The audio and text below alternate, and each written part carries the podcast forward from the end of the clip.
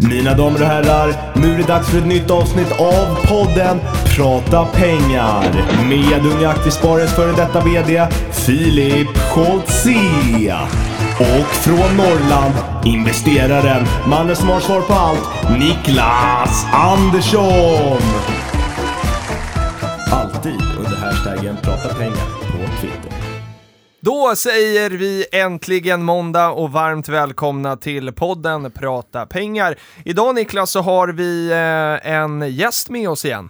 Det har vi, och är det så att vi backar bak till 1995 så hade vi en riktigt fin återhämtning på börsen, för då hade vi tagit igen lite mark från 92 och 93. Och det här är alltså avsnitt 95, så det var ju snyggt av dig att ta det året. Jajamän. Ja, det är riktigt bra. Ehm, och idag har vi med oss en, eh, en, vi brukar alltid säga, eller jag brukar alltid säga att det är superspännande gäst, så det menar jag verkligen varje gång. Ehm, och idag eh, extra lite mycket. Det, det här, det känns som vi kommer ha, vi, kan, vi ska också säga så här, det är, vi säger äntligen måndag, men det är faktiskt onsdag när vi spelar in idag eh, efter jobbet här. Ja, här är lite annars, för vi har importerat en gäst från en annan stad. Exakt. Så att det här blir lite så här mys-AV. Och jag skulle nästan säga att de som sitter och lyssnar på det här nu har ju sett fram emot det här under väldigt, väldigt lång tid utan att själv veta om det. Exakt. För vi har ju inte sagt att den här gästen kommer till oss. Eh, så att ni har liksom omedvetet längtat till den här måndagen, så nu är det omedvetet äntligen måndag. Det, det är så, och vi fick lite feedback i förra podden att det tog väldigt lång tid innan vi kom in på något som var vettigt.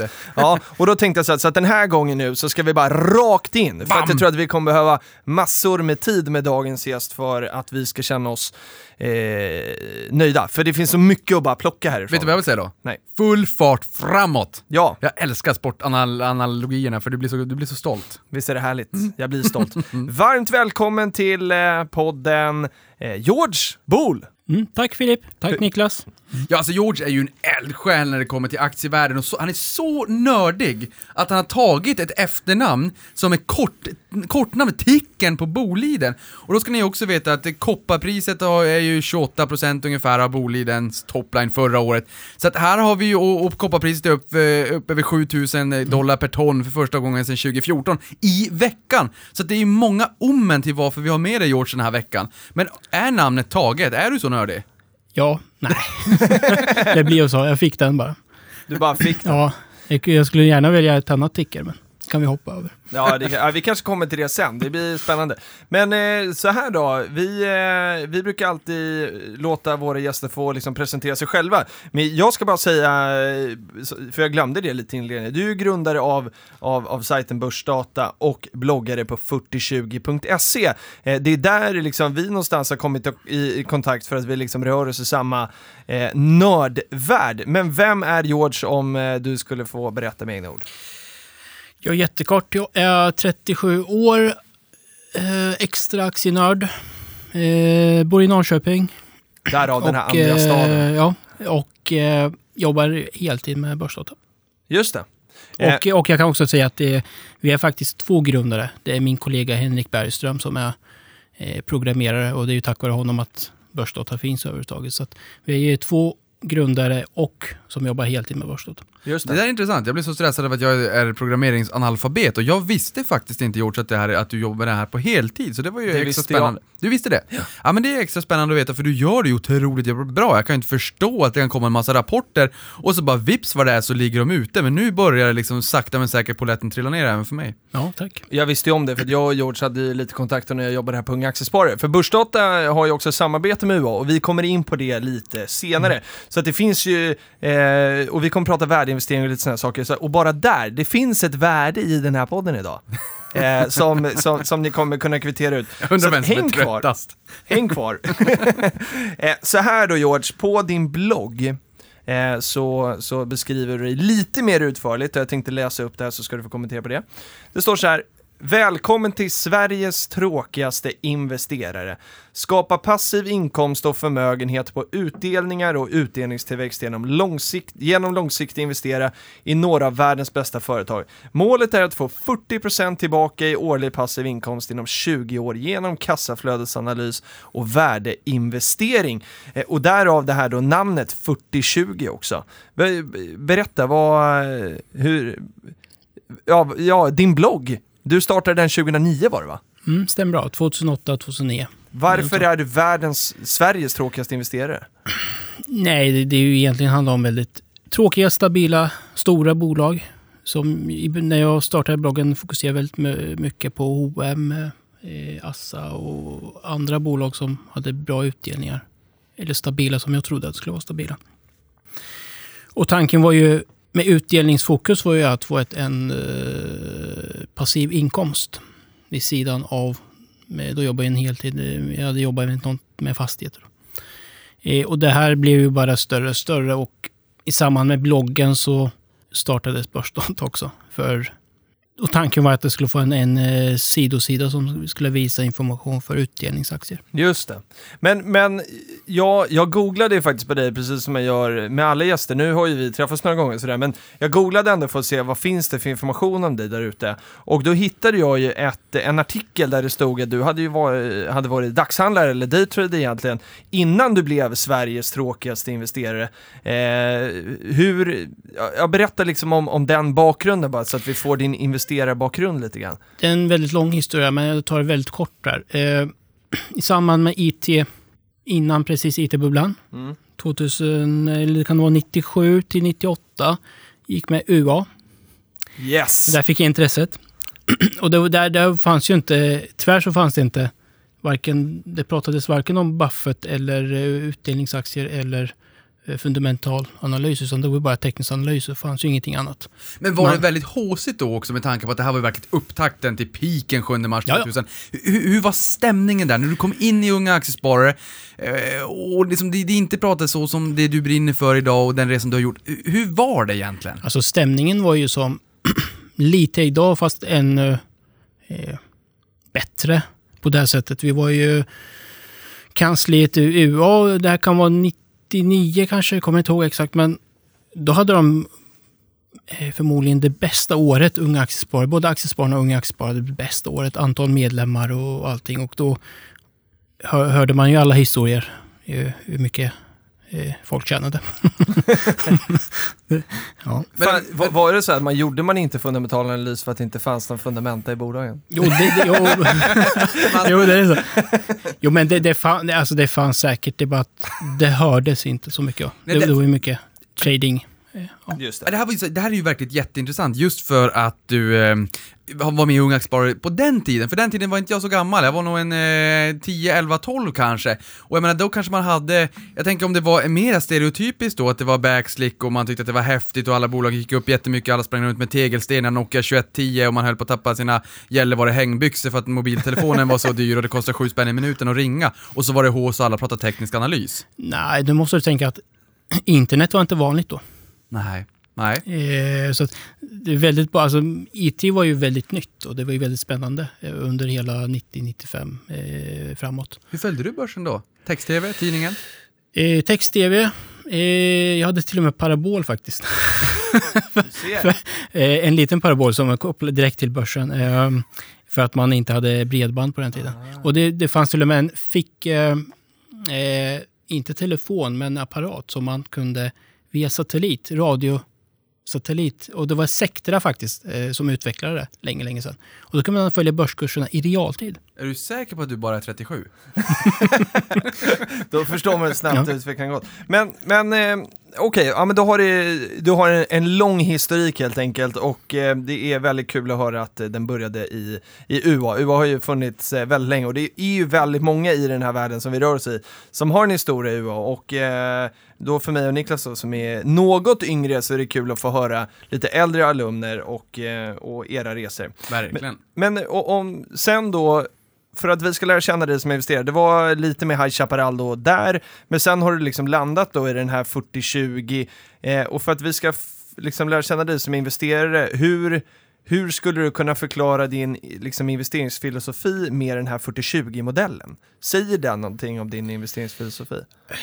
Den gjorde det då, ja. Eh, Inte idag kan jag säga. Är, om man säger hela historien, man börjar med trading, Mm. teknisk analys. Och det tar väldigt lång tid. Eh, Man förlorar, bränner sig eh, två, tre gånger. Och kommer tillbaka och lär sig mer. Säg sista fem åren började man gå plus minus noll och började tjäna pengar. Men, men då fick jag ett eh, jobb erbjudande så jag var tvungen att tacka ja till det. I samband med det så jag var tvungen att göra någonting aktierelaterat. Förutom, eh, då kunde man inte sitta och trada längre. Och då blev jag i samband med det så kom jag i kontakt med bloggvärlden. Och då var ju Stockman, Just eh, Per Penning, Finanskvinnan, eh, som var störst på, den, på min tid när jag började. Och då tänkte jag att nu startar jag blogg och det var ju, blev, kom in i utdelningsbloggen. Eh, och det jag lärde mig att utdelningen tar tid. Eh, om du inte har, eh, om du inte kan ha en väldigt hög inkomst eller om man är flera har hög, hög inkomst kan spara det. väldigt mycket på kort tid så tar det väldigt lång tid att komma till en ganska hyfsat, låt oss säga, rimlig nivå för att man ska klara sig. Eh, ett bra exempel just ny, nyligen det var ju utdelningsseglare Mm. som hade en artikel. Också farbror Fri, eh, det. som lyckades, eh, eh, som var med i Nordnet TV. Eh, de har lyck- verkligen lyckats. Eh, sen har vi ju, på den tiden fanns ju också eh, Petrusko, Mm. eh, som också har en blogg nu. Eh, och så har vi Stefan eh, Telenius, som bloggen eh, Z2036. Just det. Så att, och, och sen finns det må, eh, väldigt många andra bloggare som fokuserar bara utdelning. Eh, tyvärr så kan jag inte allihopa utan till. Men sen är det ju från utdelningsperspektivet så man tog, gå, tvungen att gå till värdeinvesterare. Mm. För att det räckte ju inte med att bara kolla på avkastning. Och Man insåg, man förstod inte varför vissa bolag höjde utdelningen och sänkte utdelningen.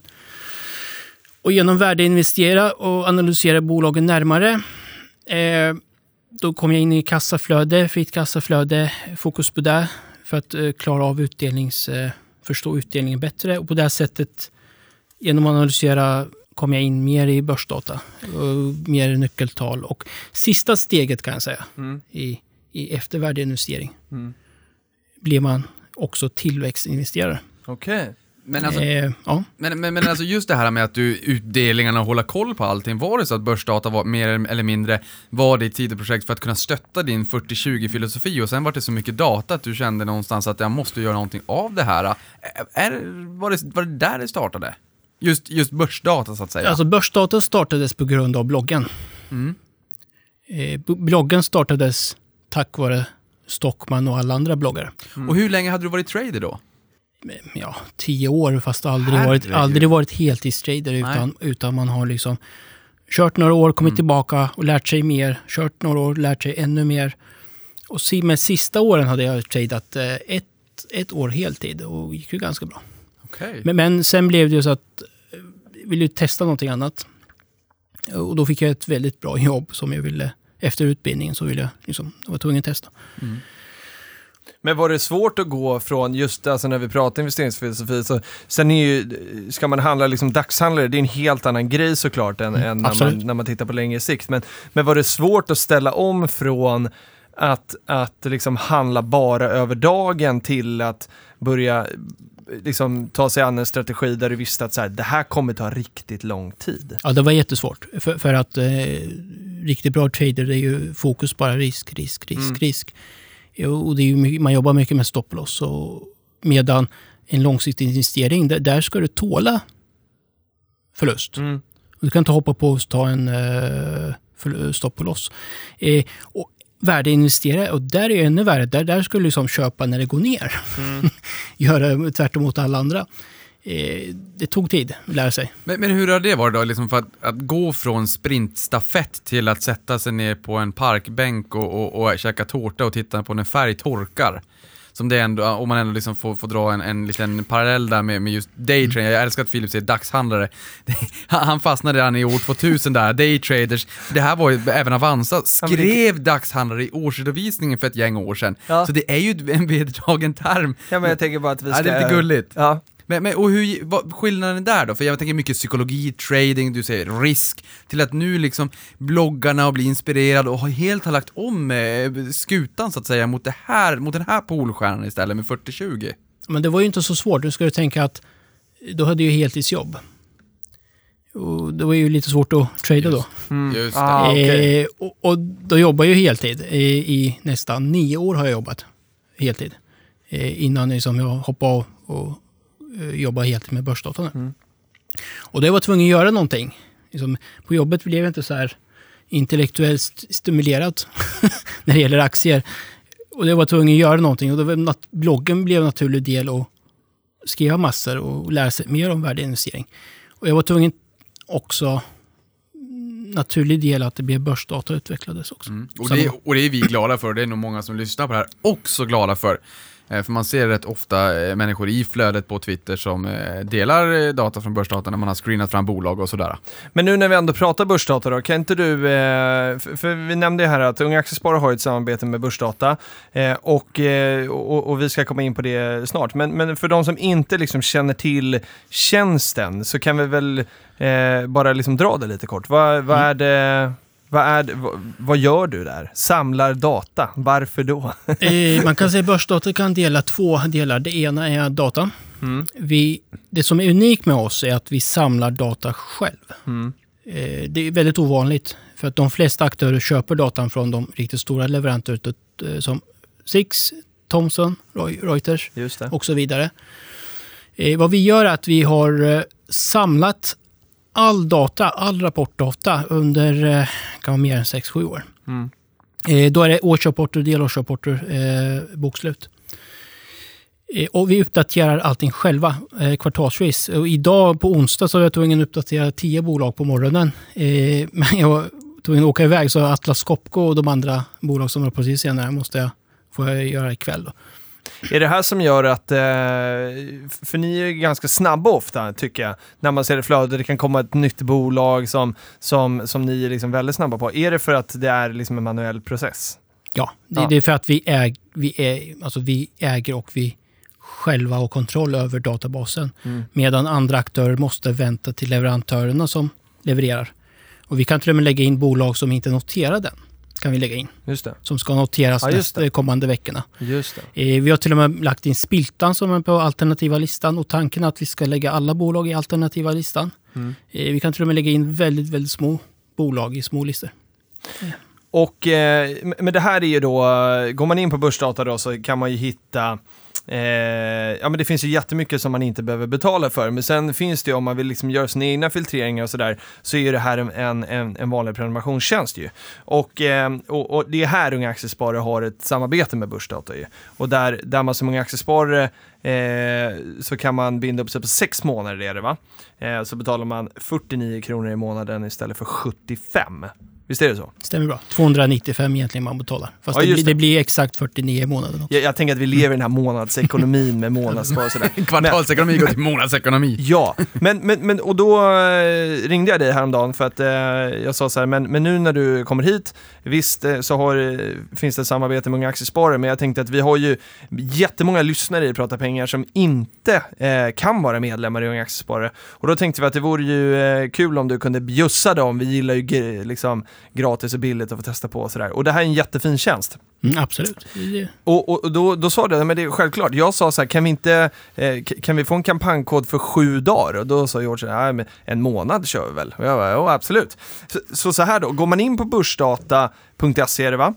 Eh, och så registrerar man sig och sen eh, när man kommer in då så finns det ett fält för kampanjkod. Skriver man i prata pengar där då? Eh, Efter man har registrerat sig så naturligt är att man går på min sida då, och Ja. så finns det en knapp som heter premiumkod högst upp. Just det, Eh, Och, och klickar man där så får man en ruta. Där kan man skriva prata pengar. ja. Utan hashtaggen, vi kör bara Nej, prata pengar, i, prata ett, pengar. i ett ord. Ja. Eh, helst stora bokstäver. Ja. Och så fort klickar man OK så får man 30 dagar. Och det här gäller för nya användare då. Eh, ska vi lägga till. Jätteschysst! Och, och, och då kommer vi in eh, då liksom på nästa, för att det, det finns en poäng med det här också, en utbildande poäng. Och det är ju för att vi vill ju utbilda i den här podden. Och då vill vi liksom förstå, liksom, vad ska man med all den här datan till? Och det är här vi liksom ska öppna Georges värld lite grann. För att vi vill gärna att du liksom tar oss igenom, när man går in där och man testar det här kontot nu, eh, som, vad, vad är det man kommer mötas av och hur ska man använda all den här datan egentligen? Eh, jättebra fråga. Eh, jag gjorde faktiskt på startsidan, så fort man kommer in på startsidan så finns det en länk högst upp. Topplänk som heter info. Klickar man på den så får man en eh, videoklipp, Youtube-klipp eh, på 20 minuter.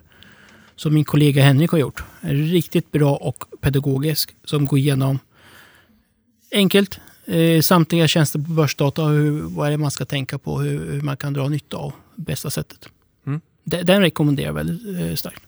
Ja, och jag måste ju säga så här också, jag tycker att nu, nu har jag och Filip sagt flera gånger här att vi, liksom, våra, podcast inte är sponsrad och det är den ju inte, men Unga Aktiesparare har ett antal eh, samarbeten och, och, och, och eh, det Börsdata är en av dem, men jag vill bara liksom poängtera också att den här tjänsten är ju otroligt bra och det är otroligt många människor som verkligen uppskattar det här för att kunna hitta den här datan. Jag har ju några favoriter själv liksom, där man kan på ett enkelt sätt kan se försäljningstillväxt och vinsttillväxt, man vill se lite marginaler, utdelningstillväxt är man ju nyfiken på och sådär. Så att för att många, inte alla, men jag tror att många som lyssnar på den här podden känner ju till börsdata. Men för de som inte gör det så vill jag liksom bara trycka en extra gång på att det här är en riktigt, riktigt bra Mm. tjänst. Så därav kul nu också att kunna lära oss lite mer, kanske dels vad jag och Filip tycker är för, för spännande nyckeltal, men det har ni hört så många gånger tidigare.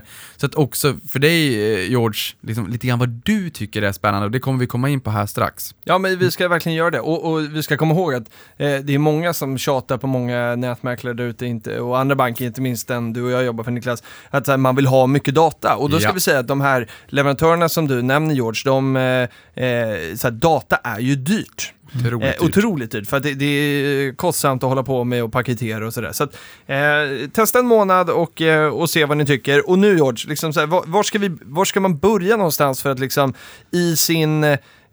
Är det liksom när man ska hitta bolag? Är det då man ska använda liksom en sån här typ av tjänst? Eller är det när man har hittat ett bolag och man ska se om det är liksom bra eller dåligt? Så här, vad, hur använder du börsdata?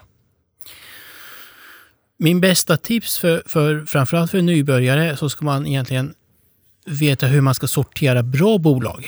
Eftersom det är ju bra bolag man vill göra fundamental analys på. Eh, att jag försöker göra för, bra fundamental analys på hopp, förhoppningsbolag som har vinst, omsättning eh, eller kassaflöde det är ju inte svårt. Eh, eller det är väldigt svårt. Mm. Så att jag brukar alltid köra med ett fyra, fyra regeln. Mm. Eh, och det är nyemissioner. Undvik bolag som gör nyemissioner och det där kan man kolla på nyckeltalet antal aktier. Och då vill man ju ha bolag som inte ökar antal aktier eh, särskilt mycket. En inflikning där bara, eh, det kan finnas offensiva och defensiva nyemissioner. Ja. Drar du alla nyemissioner över en kam eller så är det så att du, du går in och tittar lite extra noga om du blir nyfiken på ett bolag och så har de gjort en nyemission? Nej, man, man ser det faktiskt. Man, man ser faktiskt bolag som gör nyemissioner på grund av att överleva eh, år efter år. Så Mm. finns det bolag som Nibe som gör nyemission för att de ska förvärva. Ja, Det är två olika saker. Men bolag som gör nyemission för Nibe är ju inte... Det, det händer sällan. Ja. och, och man kan säga nästan... eh, Ökar antalet aktier i varningstecken. Mm. Samtidigt bolaget inte visar någon vinst. Mm. Eh, På samma gång bolaget har ingen utdelning. Mm. Och vinst och utdelning är väldigt effektivt nyckeltal. Hos oss faktiskt finns med, jag har gjort en lagt screener där du kan screena bara bolag som har haft utdelning under 5, 10 eller 15 år eller 3 år. Bara sortera bort alla förhoppningsbolag. Okej. Bara om bolag som har gjort utdelning och vinst, eh, visat vinst. Mm. Eh, och samtidigt lönsamhet. Eh, bolag som visar eh, hög lönsamhet, då brukar jag säga ord, nyckeltalet ROA. Eh, avkastning på totalkapital. Och då är det väldigt enkelt, man går in balansräkning och eh, balansomslutning i relation till bolagets vinst. Mm. Och det brukar vara ett siffra på 10% är över 10% bra lönsamhet.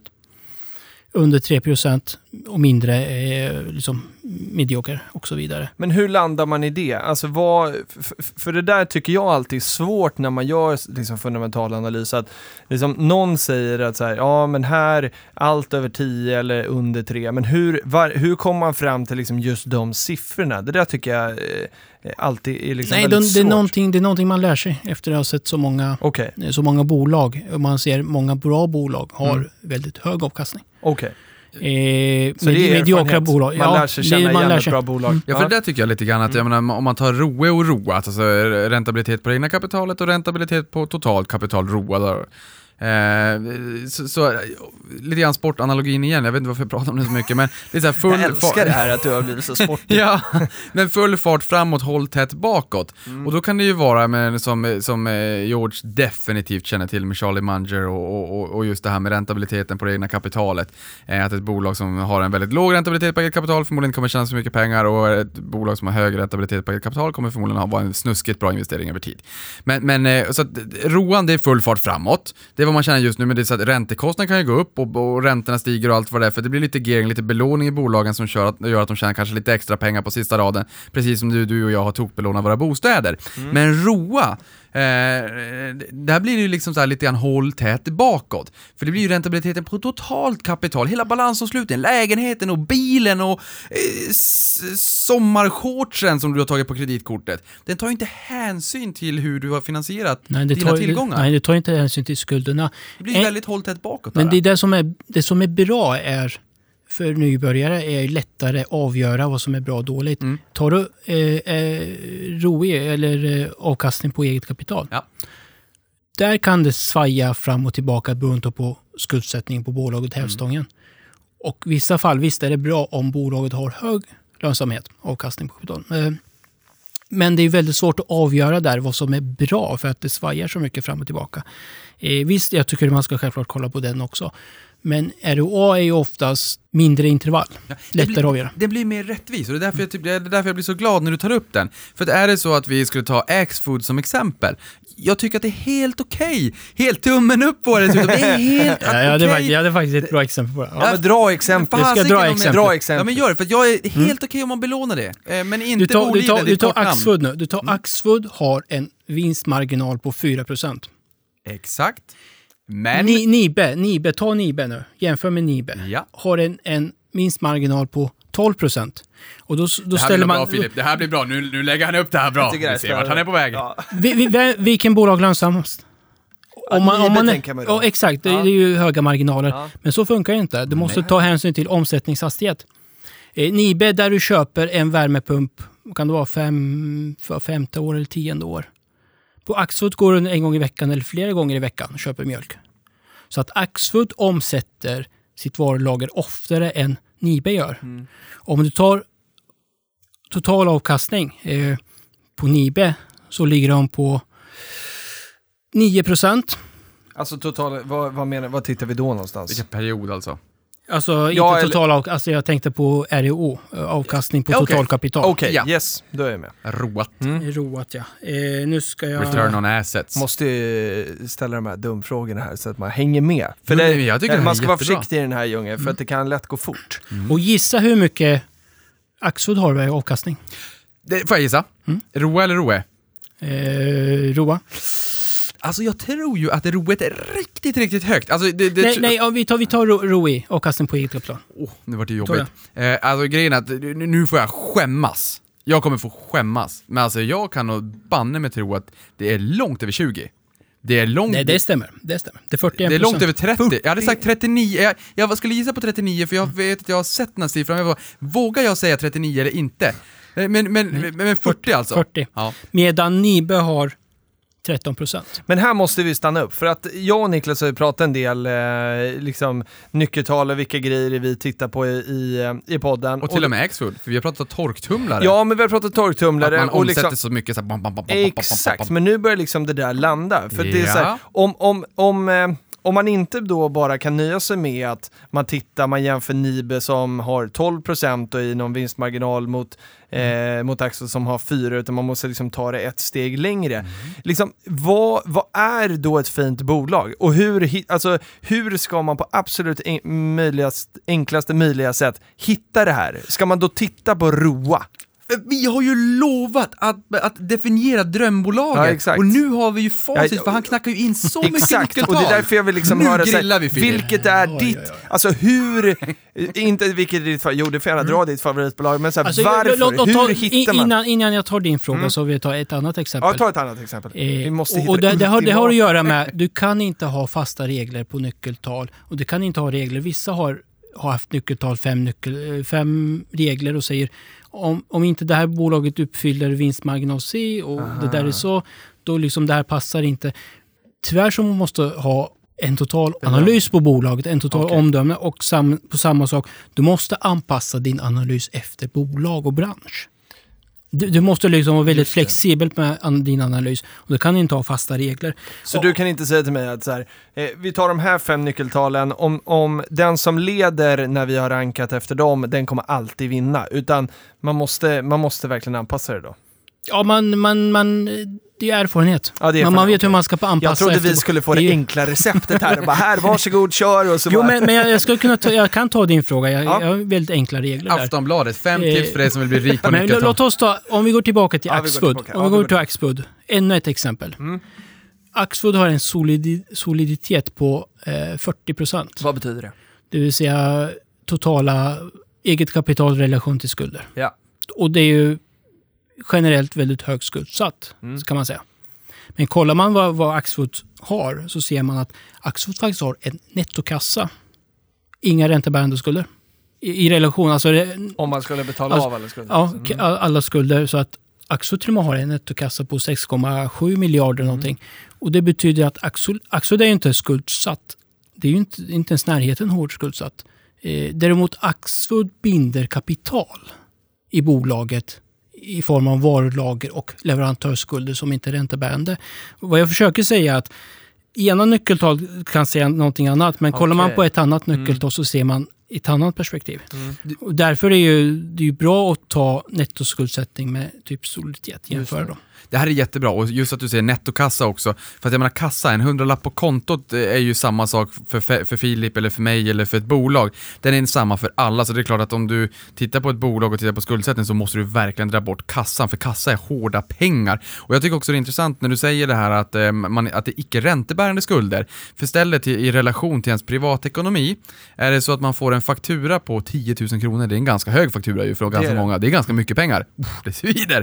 Men, men det är ju inte så att när du får den här fakturan, att du, du, har, du, du tänker ju inte själv att du har en skuld. Eller när du får elräkningen så tänker du inte att du får en skuld på 300-400 kronor. Men det är ju en, det är ju en, eh, en leverantörsskuld, alltså du ska ju betala det så att säga. Samma sak när Axfood köper in all, all mat, jag vet inte, de kanske får 30 dagars betalningsfrist eller 60 dagar. Men det blir ju inte en skuld när du får en ränta från din elleverantör. Men på, i bokföringsmässigt, i, i den världen, så, så räknas det ju som det. Så man måste ju in och grotta lite grann under skinnet. Du är ju verkligen på här. Det, är ju- det, det här är ju, ja, det, det beror på som juristerna skulle ha sagt. Om vi tar eh, det här, om vi ska försöka oss på det här ultimata vägen och hitta japp. sitt ultimata... Japp. vad börjar vi då? När, när vi, en annan sak. När vi är på räntebärande skulder och Mm. nettokassa, då är man entrep- enterprise value. Men jag ska inte gå in där. Det, det blir, men det, det är ju bara en punkt. Det är, Ja, men- ja, men- det är också en fördjupning, ska man kunna eh, prata eh, hur länge som helst. Det- men de- vi behöver inte gå in där. Googla dem, om ni är nyfikna på det, EV, EV ebitda. Mm. Eh, googla på det, för det är på, skuld, skuldjusterad basis. Eh, men nu går vi vidare. Filip, Ja, nu vad tar jag pratar vi om nu? Philips Ja, opti, Jag är op, så nyfiken. optimala fråga här. Ja. Ett bra bolag har utdelning. Glöm det där med att ge inte utdelning för att eh, investera i tillväxt. För att det är inget bolag som gör det nästan. Det finns några få. Balder kanske. Eller, Ja, tack det, finns, det, det. finns, det finns några få. Men i, i, i verkligheten, alltså det är ju inte teori, i verkligheten är att alla bra bolag delar ut. Men kanske de bolag som växer delar ut i lägre utdelningsandel. Okej, men de delar ut. Delar ut. Ja. Det, det är en, en jättebra... Eh. Ett, ett bolag som inte delar ut någonting, det, det är så här varningstecken. Bi, bi, bi, bi, bi. Varför delar de inte ut någonting? Eh, Jag tror att snittet ligger på mellan 30 till 70 procent på Stockholmsbörsen, alltså Ja. utdelningsandel. utdelningsandelen. Eh, de har vinst. Mm. Regelbunden vinst. Visst, till vissa år kan det bli av redovisningseffekter kan vinsten gå ner eller som 2009 eh, eller 2008 ovanliga år. Men här, och det här pratade jag och Ni, förlåt att jag avbryter, men, men jag, jag och Niklas pratade om det här med vinst eh, för ett par avsnitt sedan, eller om det var förra. Eh, Och, och, och det är skillnad på vinst och vinst. Eh, Så när du säger att bolag ska gå med vinst, ska de gå med liksom nettovinst längst ner på sista raden, eller räcker det att man gör en bruttovinst? Då, är man, då pratar vi om kassaflöde. Tycker jag är rimligare. Okej, så Mm, ja, men det- vi ja, ännu ja. så länge. Det, är Okej, ju, ja. det blir ju i så fall, det kassaflöde får man... ko- Jag tror det är så att man ska börja med resultaträkning. Yes. Eh, kolla på omsättning, Mm. eh, vinst, eh, rörelsemarginaler, marginaler, vinstmarginal och utvecklingen av det här. Hur det... Sen, därifrån ska man hoppa till kassaflöde. Just det. För att jämföra... Pengar ut och in För på att, kontot. för, för att Mm. jämföra vinstnivån, är det rimligt? Om det inte är rimligt, om det inte stämmer överens, vad, vad, håller bolaget på med? Vad håller de på med, investerar och gör? Eh, balansräkning ska man ta sist. Det är ju liksom, det många gör tvärtom. Man, man liksom kör balansräkningen, Ja, för mycket fokus på balansräkningen. För vissa bolag passar inte balansräkningen. Alltså, du behöver inte ens lägga tid på det. För att har inget bolaget omsättning, vinst, kassaflöde, varför ska du gå in och kolla på balansräkningen överhuvudtaget? Eh, väldigt små förhoppningsbolag har starka, kassa, eller har starka balansräkningar. Det beror på att de har gjort så många nyemissioner att de har inga räntabärande skulder. Mhm. Eh, nu är jag ute och seglar här, men... Nej, men, nej, men, alltså det, man skulle, är- det man skulle kunna säga där, alltså en konsult som sitter hemma eh, och bara har sin bärbara dator och sin mobiltelefon kommer inte ha någon balansräkning. Där är det, liksom, det blir rörelsen och re- resultaträkningen och vad, Mm hur man förvaltar sin egen tid och det blir ju inte jättemycket balansräkning där. Och här kan jag också säga att en god vän som jag har haft eh, på, på, eh, när jag var på SCB tidigare som var en, eh, jobbade som företagsrådgivare, mycket börsnoterade bolag eh, i, för hans fall. Eh, liksom välarbetat namn, många tunga namn som han hade och, och, och jag tyckte ändå, jag tyckte om honom. Eh, och tog ibland råd och, och sådär och ville lära mig lite grann. Och han sa alltid Niklas, kassaflöde, kassaflöde, kassaflöde. Det är det enda jag tittar Absolut. på. Det är det som är det viktiga. Jag skiter blanka tusan i vad det står för vinst. Det är en bokföringsteknisk term. Kassaflöde, kassaflöde, kassaflöde. Nu har jag sagt det sex gånger. Eh, och sitter med, satt med stora börsbolag. Det, så att, han sa, det är det enda viktiga. Det är det jag tittar det, på. det, det, är, Inte enda, det är fel att säga så, Ja. men, men det är det jag tittar på. Så. Det ironiska är ju att finansbranschen lägger väldigt, väldigt lite vikt på eh, kassaflödet. Och det är för att det är, det är komplicerat eh, i vissa fall. Hur gör man det enkelt då? Det går inte att göra, du kan inte göra det enkelt. Gör det enkelt så blir det fel. det, det, tyvärr det är så. men det, det, okej, visst, ja. det finns vissa Ja. knep som jag vet hur man ska kunna göra enkelt. Mm. Passar för de flesta bolag. Men det är Men är ju inte enkelt. Men George, då har jag ett exempel här. Netflix, eh, vi hade rapport Netflix igår. Eh, man, eh, man, tjänade, eller man hade intäkter på 24 miljarder eh, under tredje kvartalet. Man tog in 5,3 miljoner nya abonnenter, det är mer än halva svenska befolkningen.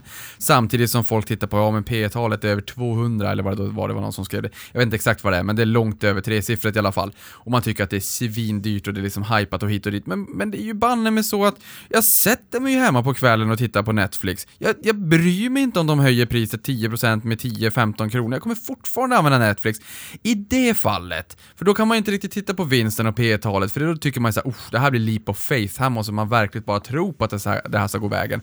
Kassaflödet där måste ju vara mycket bättre att titta på. Att liksom titta på den aspekten snarare än, än titta på vinsten på sista raden, för de är biggest spender i Hollywood. De bränner ju jättemycket pengar på kontot. Men du, du måste säga, alltså egentligen är ju kassaflödet samma sak vinst. Alltså kassaflödet, jag, jag säger så här, jag är lite flummig här, men kassaflödet är justerat vinst. Punkt och slut. Det, det vad han vill göra kommer åt att tvätta kassaflödet för att se vad bolagets riktiga, rimliga vinst är. Mm. Sen vill man se vad har bolaget gjort eh, med det här kassaflödesvinsten. Då är det investeringsposterna kommer in. Mm. Sen kommer finansieringen in under det och sen kommer årets eh, kassaflöde.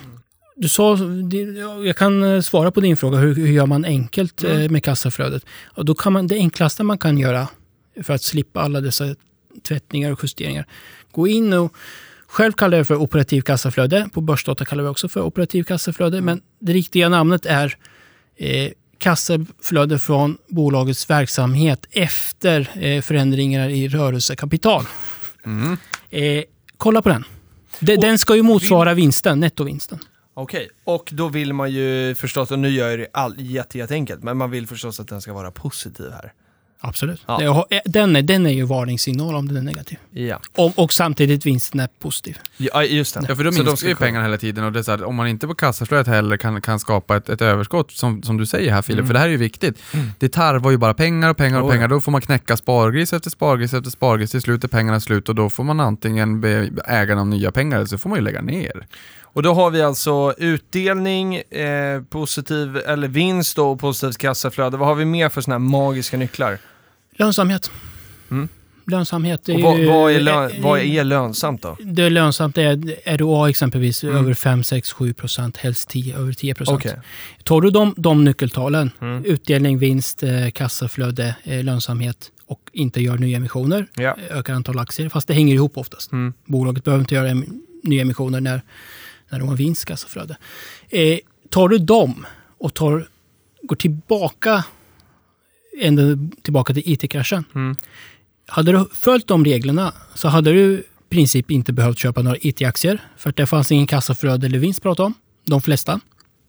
Eh, du hade faktiskt köpt väldigt stabila, tråkiga bolag som, hade, som värderades oerhört lågt eh, på den tiden. Eh, direktavkastning på 6, 7, 8 procent. Alltså vi pratar om 2000, Mm. 2001. Mm. Dessa gick inte ner i IT-kraschen för att alla pengar hade gått ur från alla tråkiga branscher in i IT och Ja, liksom, de var tvungna att komma in någonstans. Väldigt lågvärderade eh, industribolag, tråkiga bolag. De var väldigt lågvärderade. Tvärtom idag är inte så fallet, tyvärr. Eh, men eh, du hade sluppit alla dessa IT-aktier. Under nästa bubbla var, om jag inte har fel, eh, råvarububblan. Där fanns ju ingen vinst och kassaflöde att prata om. Det är ju bara på grund av råvarupriserna allting gick upp. Just det. Då hade du sluppit det också. Mm. Nästa krasch är eh, finanskrisen. Mm. Allting gick ner. Men de, de bolag som hade liksom fortfarande utdelning, kassaflöde, eh, som hade alla dessa, Mm. de återhämtade sig mest. Det, okej. Så att över tid är ju det här är väldigt bra strategi. Mm. På samma gång som man säger, om man tar 800 bolag på Stockholmsbörsen, eh, tar de smålistan också, aktietorget NGM.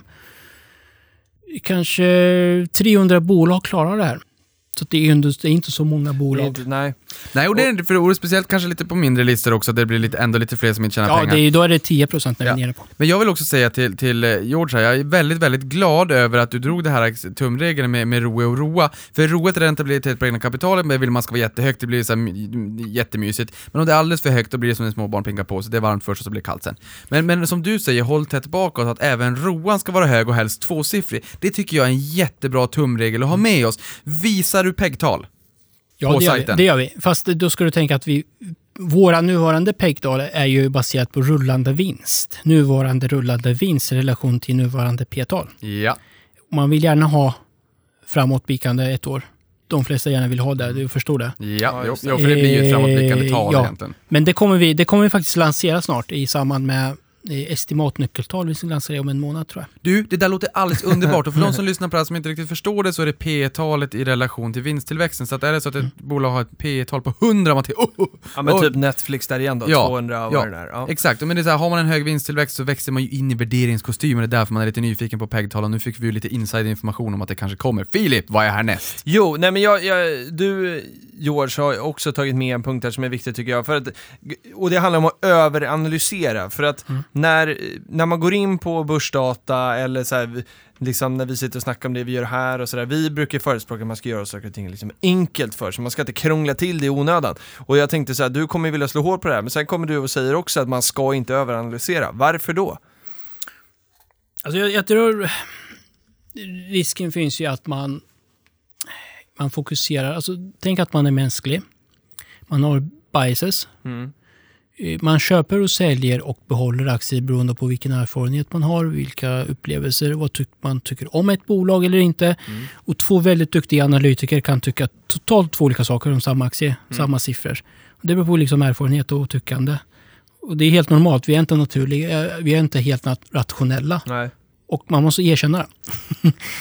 eh, och därför ska man, om man ska liksom, ska man göra ett fundamental analys på rätt sätt, så ska man försöka undvika nummer ett, de som bara läser nyheter, eh, kan om allt om bolaget, eh, innan till utan till, med i alla forum, nästan sektliknande. Eh, och har kanske fem bolag eller tio bolag eller mindre och har all in i dessa. Det, det finns ju de, eh, de som gör. Och det är ju viss typ av fundamental analys. Och det finns ju de andra också som har, kollar bara på nyckeltal. Nyckeltal, nyckeltal, ingenting annat. Som förstår inte ens hur bolaget tjänar pengar. Där måste man ha en balans. Så en balans där man måste förstå bolaget, konkurrenskraft i framtid eh, och så vidare. Eh, Hur bo- bolaget tjänar pengar och ska växa. Men samma gång så måste man ha en reality check. Mm. Kolla på nyckeltal. Och där har jag ett jättebra exempel som är Getinge. Mm. Eh, 2013, jag skrev faktiskt ett inlägg om det 2014, men Getinge skrev 2013 i, en, en, i en rapport att de skulle gärna ha en målsättning, en vision eller någonting, där de ska fördubbla omsättningen. Och man vet att det är 2014, då var ju redan nära topp, toppen där. Och då har, gjorde de väldigt många, de har en fantastisk his- historik då, då gjorde de väldigt många förvärv eh, och växte. Men när man kollade på siffrorna, kassa, kassaflöde, lönsamhet och hur mycket de brände pengar i, i forskning och annat. Och utdelningsnivån så insåg man, men herregud, de kan inte fortsätta växa genom förvärv för att de hade ingen organisk tillväxt. Växa genom förvärv och samtidigt ge den höga Mm. utdelningen. Det fanns inte. Nej. Det, det såg man ju som i verkligheten, när Ja. siffrorna så här, så här. Och idag, eh, Getinge har faktiskt sänkt utdelningen från eh, 4,1 någonting till 2 i två omgångar. Mm. Och aktiekursen har gått ner i nästan 30 procent. Mm. Och det är där jag menar, liksom, man måste ha båda delarna. Just det. Ja, och just för att få båda delarna, ett tips där kan ju vara, jag menar, som, som jag applicerar lite grann och det är jag helt definitivt övertygad om, det vet jag att Filip eh, också gör. Det är ju dels när man är lite nyfiken på bolag och när man tittar på nyckeltalen, men där man samtidigt kanske har lite vänner och bekanta i olika branscher. Och då blir det ju så här, eh, så fort man träffar människorna, någon kanske jobbar på något bolag och någon på någon annan, då blir jag ju jättenyfiken på hur ser konkurrensbilden ut, precis som du säger, är det era produkter som är liksom standard i branschen när det kommer till kvalitet, varför är det så, hur är det företagskulturen och så där kan man, ju- man om man börjar fundera på det här lite grann, man har väl vänner och bekanta kanske i olika branscher, kanske till och med börsnoterade bolag, då får man ju helt enkelt bjuda över dem på en liten middag och så, så får man fråga ut dem eh, för, för att få lite grann en reality check. Ja, vissa bolag har man en reality check om det är bolag som kanske är i dagligvaruhandeln och man, man kan se produkten, man kan gå tillbaka till sig själv som konsument. Vad har jag för perception? Vad tycker jag om de här varorna eller tjänsterna? Men vissa bolag kan ju vara kanske business to business där man inte alls har riktigt samma, samma koll. Eh, och, och det är ju verkligen en dold, eh, oupptäckt pärla eller tillgång att kanske ha vänner i olika branscher där man kan Ja, få lite sån här trevlig input faktiskt. Så är det. Och eh, liksom, man vill ju samla så mycket information och data och eh, inspiration som möjligt kanske för, för att liksom kunna fatta beslut. Och sen när man köper och sen har man den här portföljen då och så ska man liksom då underhålla den för ett bolag liksom förändras ju över tid. Eh, och då kommer vi osökt eh, in på det här som heter diversifiering och hur ens portfölj ska se ut. För här, här eh, berättade du för mig på telefon häromdagen att, att eh, eh, det här med 10-15 bolag, åtta branscher som, som jag och Niklas brukar säga från Aktiespararna. Det kanske finns en annan eh, liksom, eh, sanning om det här. Eh, för, att, för det blir ju ganska många bolag man ska hålla reda på. Liksom. Vad, vad är din take på det här? Ska man ha så Riktigt- många bolag riktigt- eller är det för få? Ja, det är en riktigt bra fråga. Jag har, där har jag min egen övertygelse, men jag tror inte alla håll, kommer hålla Ja, men det blir med mig om. jättespännande Men, att höra, för jag har inte fått höra Ja. den än. det, är så här, det, det finns två skolor, det är diversifiering. Eh, jag förstår, det är väldigt viktigt. Mm. Man ska inte ha, liksom, fördela över risken över tid eh, och man ska ha så många bolag. Så finns det den som säger fokuserad. Eh, skolan, Warren Buffett exempelvis, att man ska ha fem bolag eller åtta bolag eller mindre. Mm. Där man kan väldigt bra om bolagen och det finns inte så många bolag där ute. Jag skulle säga tvärtom. Eh, där man skulle kunna lägga ett ytterligare alternativ som jag tror passar bättre för ny, ganska nybörjare som är osäker vilken strategi de ska följa. Mm. Det jag kallar för divers, intelligent diversifiering. Du köper så många bo, bra bolag som du hittar och du fokuserar inte i antal. Det här gillar du och jag Niklas. Jo, men, men då, måste, du- då, måste, du- då måste du tänka så här, då, men då måste det vara väldigt hög kvalitet på bolagen. Jo. Så att du inte köper... Så, dilemmat med diversifiering, som många kritiserar, vilket har helt rätt, att man köper skräp, Mm. riktigt dåliga bolag. Och man säger att jag satsar 2-3 procent, det gör ingenting, går det upp så som kan det bli hur stort som helst. Och, och liksom kryddor och högrisk och chans, det är ju liksom, hatar höra de här orden. Jag Du hatar verkligen. Bara, du gillar bara salt och peppar du. Ja, det, jag, jag, Ingen liten cayennepeppar på köttfärssåsen. Jo, men, men det, det är ju där, det är där man börjar s- eh, svaja lite. Och, Du, Filip, det blir inget salt på stripsen. Nej. och tanken är ju att hittar du 20 riktigt bra bolag du vill verkligen äga och du tror på dem, så ska du köpa dem. 30, då ska du köpa dem. Du ska inte fokusera i antal. Och jag förstår inte de som säger att jag ska äga sju bolag långsiktigt. Eh, så kommer det två bolag som är riktigt bra. Oj då, då måste jag ta bort två och så väljer de. Jag måste sälja någon. Vad gör jag då? Jag måste liksom analysera om min portfölj.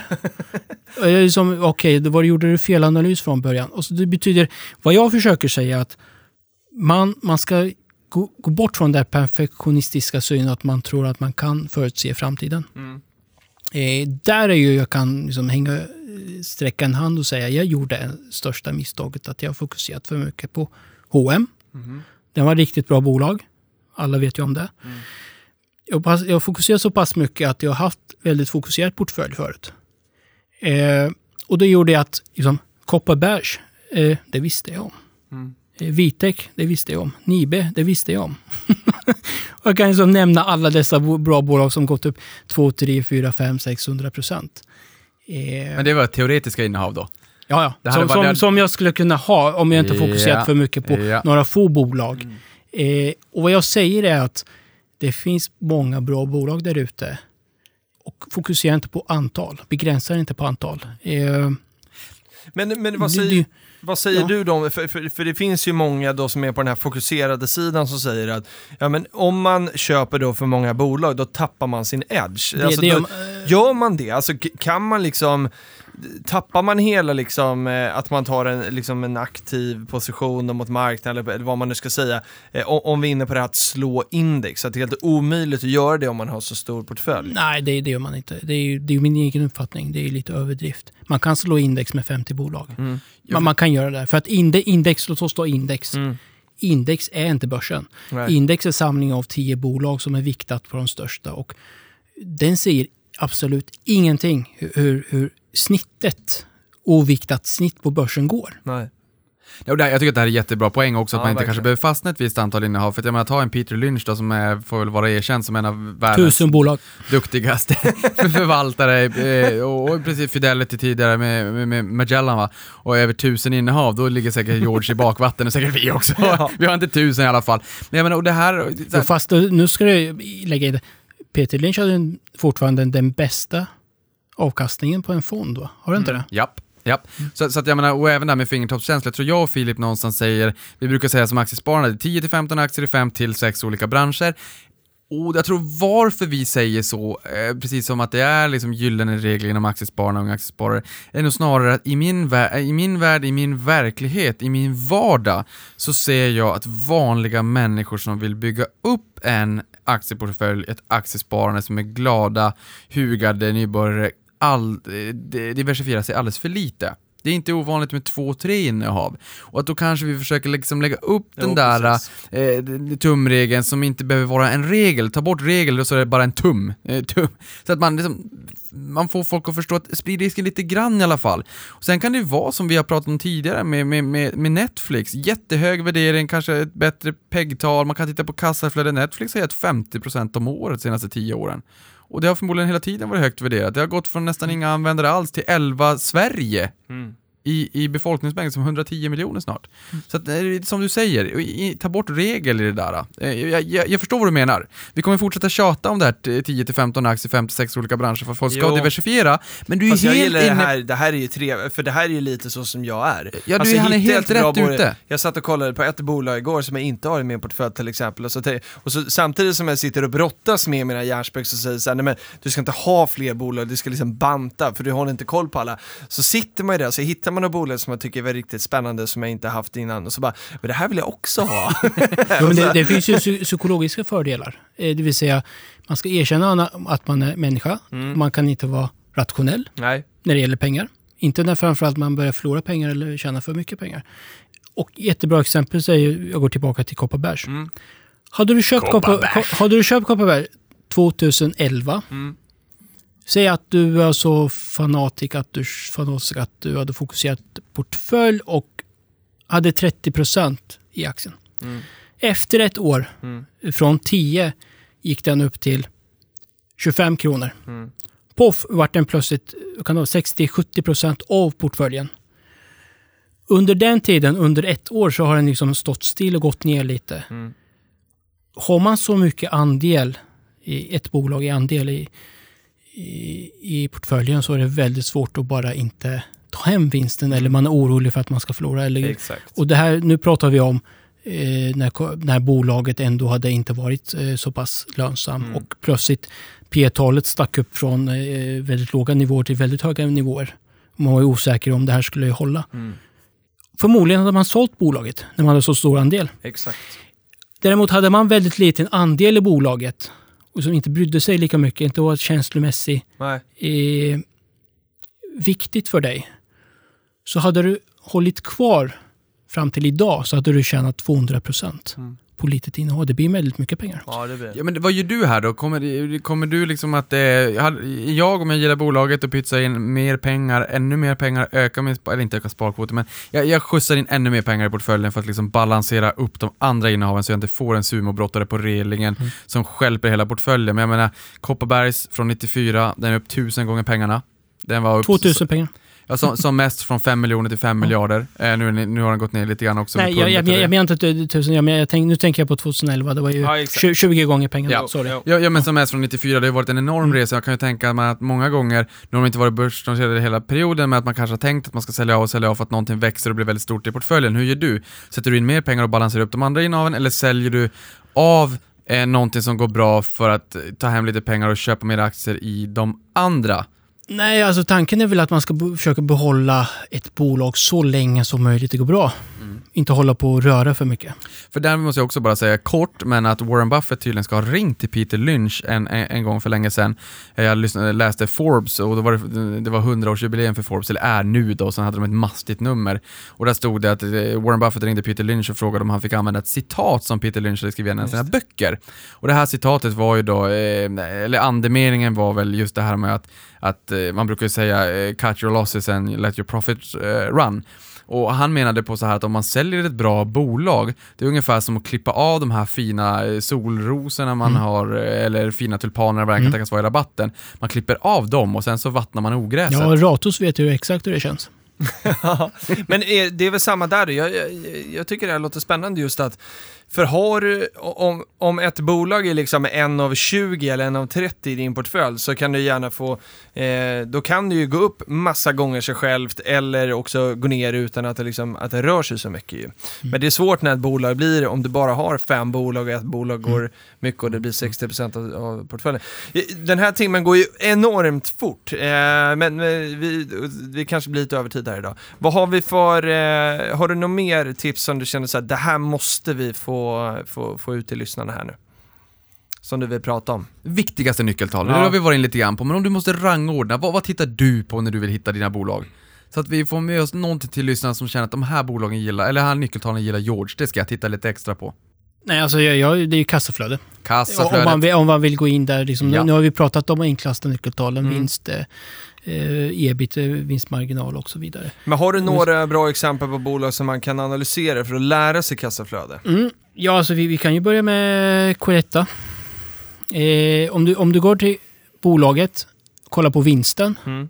På grund av redovisningseffekter så, så är vinsten mycket lägre Yes. än, än riktiga vinsten. Och det är samma sak när, när man går in och analyserar P-tal. P-tal 15 säger absolut ingenting. Nej men för där fick ju Cloetta ett negativt P tal Mm. i, för, i slutet Och det är ju året. ingenting, det säger ingenting om. Cloettas riktiga vinst. Och det beror på att går man in i resultaträkningen och ser att det finns massa engångsposter som är helt orelevanta. Det där är ett jättebra exempel för man gjorde nedskrivningen i Italien. Ja, Eh, exakt. jättebra exempel Filip. Är, Eh, kollar man liksom på kassaflödet Cloetta, det är ju, de hade operativ kassaflöde för 908 miljoner någonting, rullande siffror från eh, historik här. Och de gjorde investering på 350. Mm. Så att de, det är väldigt hög fritt kassaflöde. mm. Men många, när, när ord, alltså det är känsligt med kassaflöde att många kollar på det slutliga kassaflödet. Och den säger ingenting om det riktiga kassaflödet. För att Cloetta hade ett minus 7 miljoner i slutändan. Men vad, vad många glömmer att bolaget gjorde en utdelning, Ja, de gjorde förvärv och de återbetalade en del av skulderna. Just det. Och på det, samma gång. Ja, och det här säger du någonting otroligt viktigt. Nu blir det lite övertid. Men, eh, men, men, men något som är otroligt viktigt för att kassaflödet blir liksom pengar in, nu har vi även pratat om tidigare Filip, du och jag, pengar in på lönekontot från din arbetsgivare efter att du har betalat skatt. Och då ska man ju inte räkna med pengar som går till att köpa och förvärva bolag. Man ska ju inte räkna med utdelningen eller veckopengen till dottern eller sonen. Eh, man ska ju inte räkna med räntekostnaderna kanske som man ska betala till bankerna heller. Av den anledningen att om jag skulle vilja köpa upp ett helt bolag, då kanske jag finansierar helt med eget kapital. Då är ju inte jag brydd över hur kapitalstrukturen ser ut idag, utan det är ju kassaflödet från den löpande verksamheten. Vad genererar själva verksamheten? Sen så blir det massa 51 olika eh, poster som pengarna ska gå till. Men du har varit verkligen in på det idag George, jätteviktigt. Just kassaflödet, pengarna in från verksamheten. Då, då kan jag ta två stycken här riktigt bra exempel på kassaflöde, Ja, vi gör det. som du sa. Det blir Var- det var- avslutande. Varför, varför det är så viktigt. Ja, gör det. vi, då går vi till H&M här. Mm. Eh, H&M har en vinstnivå på cirka 11 kronor Ja. och har en utdelning på 9,75. Mm. Och många har frågat sig under väldigt många år varför H&M inte kan höja sin utdelning till 10, 11 eller 10,50. För att de kan det, men de ser att utdelningsandelen ligger kanske på 70, 80, 85 någonting. Eh, en enkel anledning är att H&M's fritt kassaflöde alltid varit lägre än utdelningen senaste sex år. Och H- jobbigt. H&M, H&M har bränt, man kan säga, använt kassan för att dela ut. Och sista rullande fritt kassaflöde för H&M är runt på 5 kronor. Och de delar ut 9,75. Och det finns en anledning varför H&M har delat upp utdelningen till två eh, utdelningar per år istället. För att H&M idag använder kassan eh, för att dela ut pengar. Kassaflödet räcker inte. Nej. Du, nej. Och det är därför fritt kassaflöde är viktigt. Som avslutande här, det här var ju en, det är en jättebra poäng. Vi Ja, hoppas det är att de skär ner investeringarna i online, eller att man åtminstone, eller den investeringscykeln, pucken, att vi är på toppen och nu kommer börja kunna skörda frukterna så att kassaflödet ökar igen och så att vi kan få vår utdelning som kanske stiger lite grann. Hade du ett exempel till? Ja, det har jag Nibe här. Ah. Och, och anle, anle, anledningen är ju... julafton Filip. Alltså, fritt kassaflöde är väldigt viktigt. Tyvärr så, som jag sa till dig eh, tidigare, Mm. att kassaflödesnyckeltal är inte enkla. Nej. Eh, Nibe är ett bolag som har gjort förvärv, Mm. väldigt fantastiska. Många förvärv, riktigt bra förvärv och det har gått väldigt bra. Nibe har negativt kassaflöde och har alltid haft negativt kassaflöde i princip. Och då ser du, ja, men det här bolaget kan vi inte ha för att negativt kassaflöde, vilket är fel. Det vill säga man måste också ta ytterligare ett steg och rensa bort alla förvärv man har gjort från fritt kassaflöde.